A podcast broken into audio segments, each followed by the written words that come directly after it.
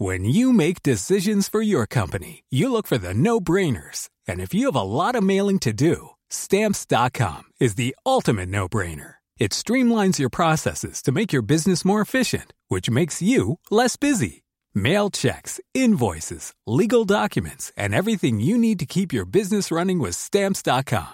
Seamlessly connect with every major marketplace and shopping cart. Schedule package pickups and see your cheapest and fastest shipping options from different carriers. With rates up to 89% off USPS and UPS rates. And with the Stamps.com mobile app, you can take care of mailing and shipping wherever you are. Make the same no-brainer decision as over 1 million other businesses with Stamps.com. Sign up with Code PROGRAM for a four-week trial, plus free postage and a free digital scale. No long-term commitments or contracts. That's Stamps.com. Code PROGRAM. Velkommen til aksjepraten på denne mandag 8. august. Hovedindeksen begynte opp 0,6 i dag etter et fall på 0,6 i forrige uke, men situasjonen snudde fort til rødt.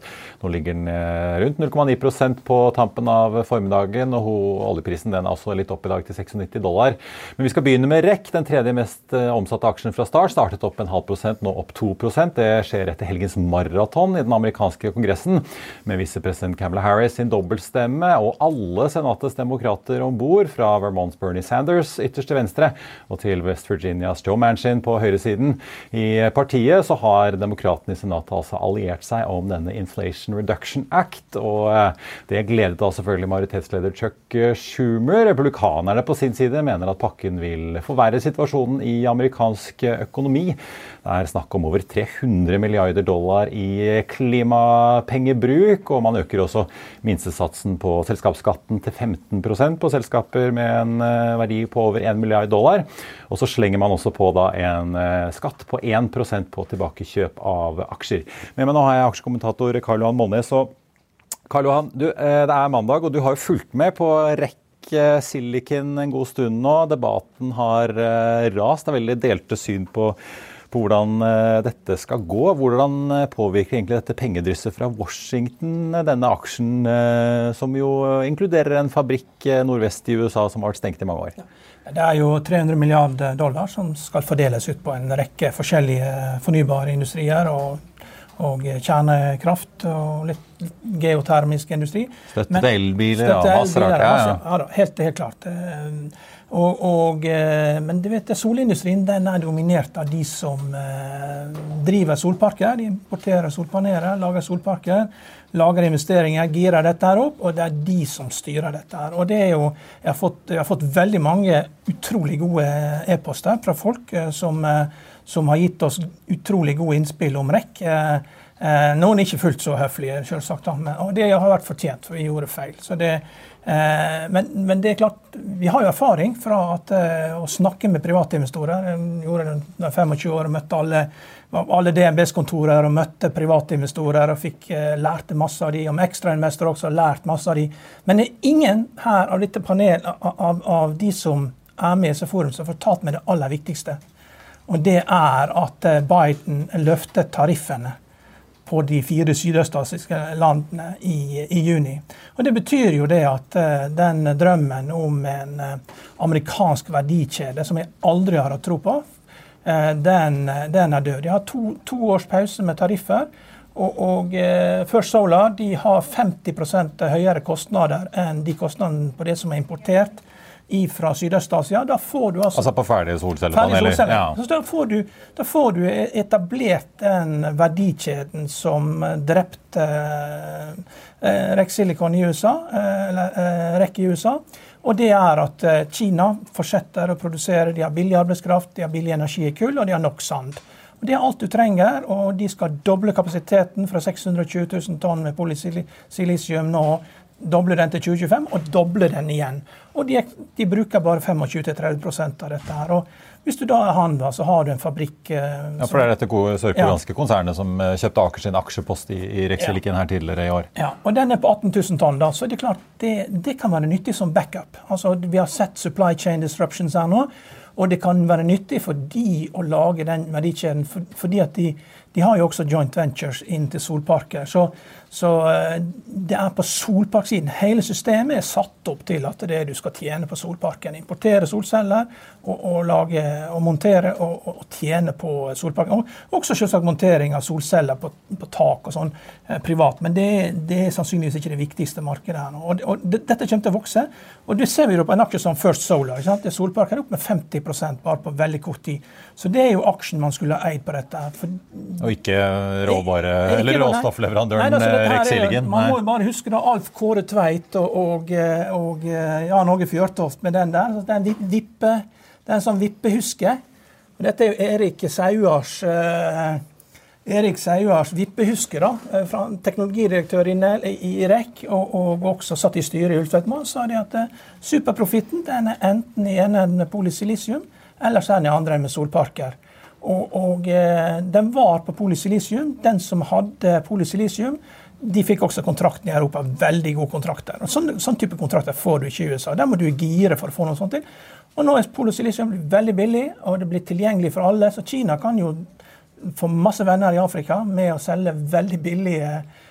Og alle de andre stegene som er imellom, da, fra polysilisium til du kommer til solpaneler med ingot og, og, wafers og alt det der, det er kost pluss business. Det tjener, Du får helt OK eh, OK marginer på det, men det er ikke noe superprofit.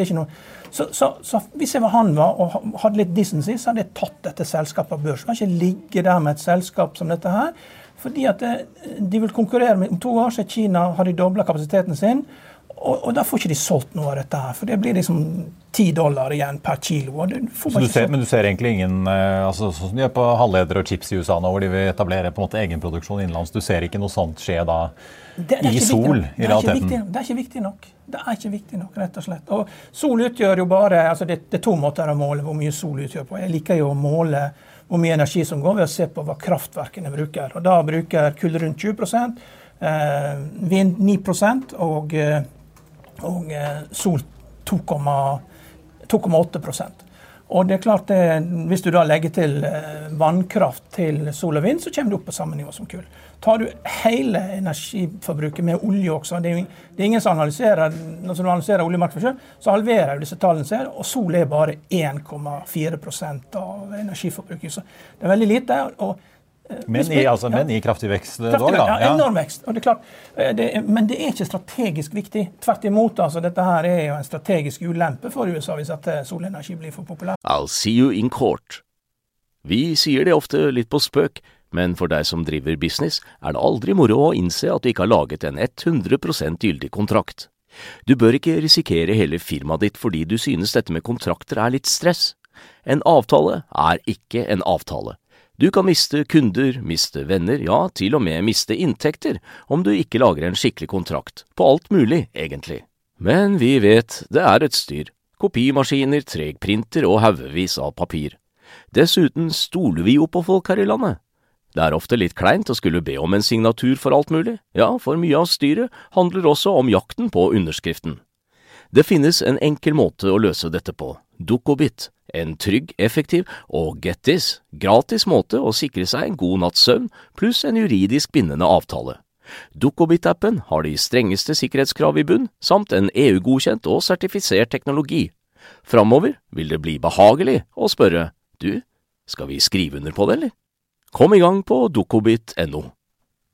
Men jeg så jo Business Korea, eh, som er eh, lokalt, eh, lokalt nett, næringslivsnettsted i Korea, hvor han var kommet fra. Jeg har jo rapportert at gitt at denne loven nå går gjennom i ikke bare Senatet, men også Representantenes hus da kanskje på fredag, så vil de investere mer i, i solverdikjeden sin i USA. men da ikke i silisiumproduksjonen, som de sikrer seg gjennom RIK? Jeg, jeg, jeg, jeg synes de, Nå må de gå, nå, nå har de gått, eh, kommet så langt, nå må de gå hele veien, så må de ta dette børs. Og de vil helt sikkert få mer kontrakter eh, ved å ha dette. fordi at det, gjør jo det lettere da når du får sånne hiccups som vi har hatt her med covid og supply chain interruptions, at de, du vil kunne stole mer på at de får levere, og at det har en strategisk verdi for dem, selv om det ikke blir lønnsomt. Og at de da kommer seg inn i flere solparker. For å se på solparker så er det joint venture. Så eh, det er sannsynligvis den lønns, mest lønnsomme biten av det de holder på med, solparkbiten. For det kan du gire. så da blir det kanskje en oppstart i 2023 som han har sagt at de ønsker å støtte Rekke ja, i å gjøre? Men vi som private investorer trenger ikke å være med på det og tape penger på det, for det, du kommer ikke til å tjene noen penger på det. Mm. Vi får uh, be folk i hvert fall tenke nøye om hvilken risiko uh, de tar. Vi må snakke litt om uh, Fly, eh, for det skjer litt på flyaksjefronten i dag også. I helgen, eh, natt til lørdag nærmere bestemt, så gikk jo fristen ut for eh, pilotene til å stemme over denne tariffavtalen som de forhandlet seg frem til etter den to uker lange streiken nå i juli. De sa ja. vi ser jo SAS-aksjen har steget 8% i dag ut på formiddagen til 67 øre aksjen. Norwegian flyr ligger ned litt, grann, Norse i null.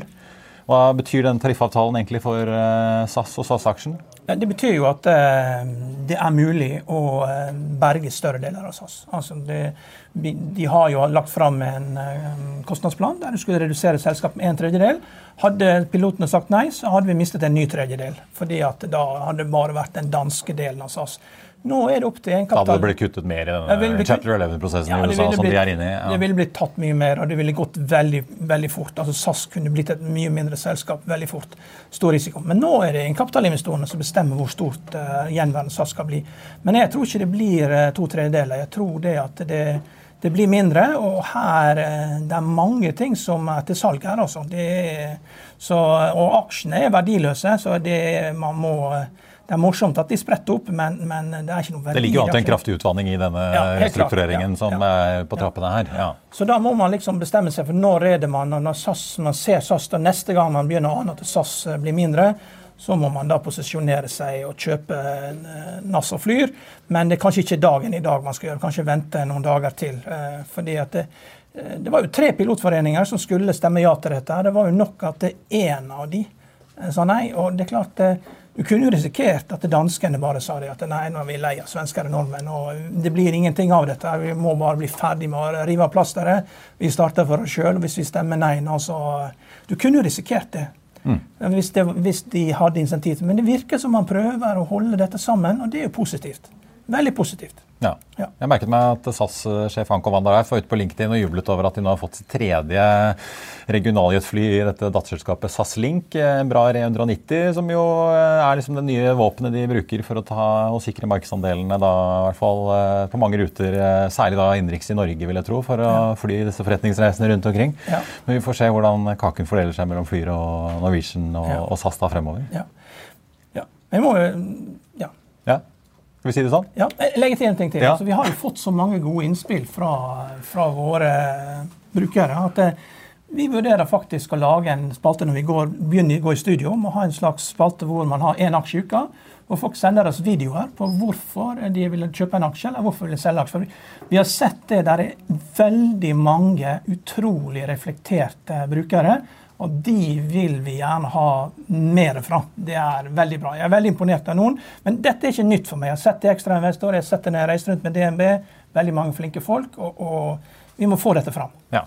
Så rett og slett eh, send oss en eh, e-post på tvtips.finansavisen.no hvis, hvis du sitter inne og brenner med noen innspill eller aksjeråd du har lyst til å komme med som vi skal diskutere. Ja. Og så får vi jo si det sånn at du som alltid får mer finansstoff på fa.no.